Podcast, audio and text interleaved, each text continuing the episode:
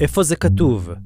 מצוות ומנהגי הדת היהודית, המקורות, הטעמים וההיסטוריה, מאת דוד הכהן. שלום וברכה.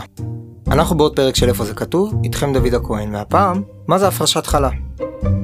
לאחרונה רבות מנשות ישראל עושות הפרשת חלה לצורך סגולה, וגם נעשים טקסים גדולים סביב העניין. אז מה זה בעצם הפרשת חלה? מה המקור שלה?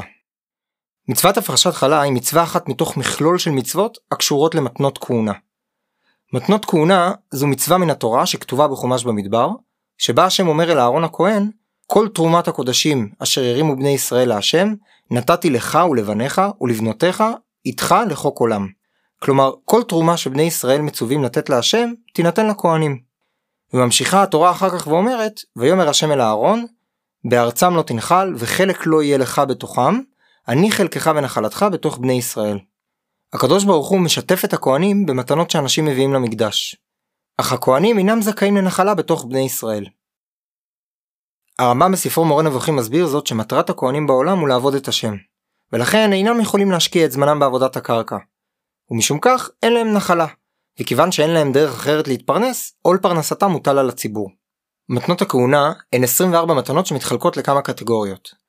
חלקן מופרשות מקורבנות שהיו מביאים למקדש, מהם היו מקבלים הכהנים נתחים מסוימים, והם היו רשאים לאכול אותם רק בבית המקדש.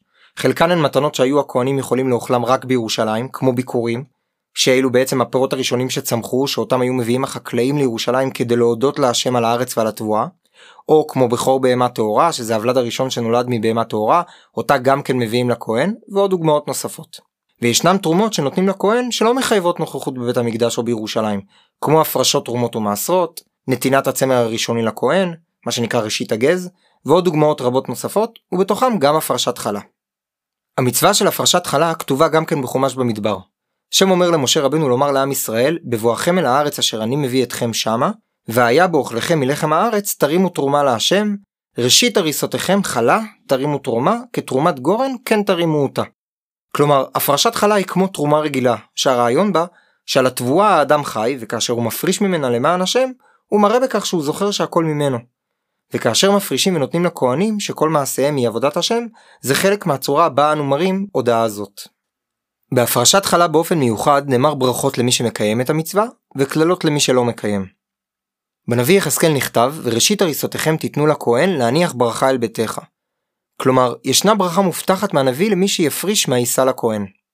בספר החינוך כתוב שהקדוש ברוך הוא רצה לתת לנו מצווה קבועה, שבכל פעם שאנחנו אוכלים, ולחם הוא מאכל קבוע, נקיים עם זה גם את המצווה. ובכך העיסה נותנת לנו מזון גם לגוף וגם לנפש. לעומת זאת במשנה באבות כתוב שאם לא מפרישים חלה, באה כליה על העולם. והגמרא במסכת שבת אומרת שאם לא מפרישים חלה אין גשמים ויש פגיעה בפרנסה. והרעיון מאחורי זה, כנראה שאם לא מפרישים בעצם לא מכירים ממי מגיעה הטובה הזאת שיש לנו לחם לאכול, שזה האוכל הבסיסי של האנשים. מה שאנחנו יכולים ללמוד מהברכות והקללות שנאמרו על מצווה זו, זה כמה המצווה הזו הייתה חשובה בעיני התורה, הנביאים וחז"ל, ומכאן מגיעה הסגולתיות הרבה שאנשים מייחסים למצווה זו. ישנה מחלוקת בגמרא אם במנו המצווה הזו עדיין חובה מהתורה, או רק מדברי חז"ל, כיוון שכאשר לא כל ישראל יושבים בארץ ישראל, בטלה הקדושה של הארץ והמצוות התלויים בה מהתורה. ומלבד זאת הכהנים יכולים לאכול את התרומה רק כאשר הם טהורים, וכיום שאין בית המקדש, אין דרך אמיתית לכהן להיטהר, וכולם נחשבים טמאים.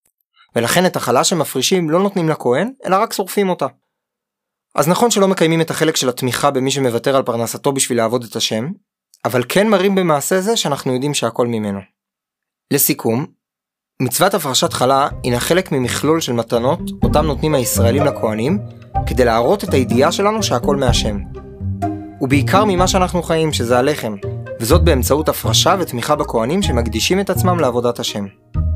על מצווה זו של הפרשת חלה נאמרה ברכה מפורשת בנביא יחזקאל למי שמקיים אותה, ודברי חז"ל קשים למי שלא מקיים אותה, ובשל כך מיוחס למצווה זו סגולות רבות.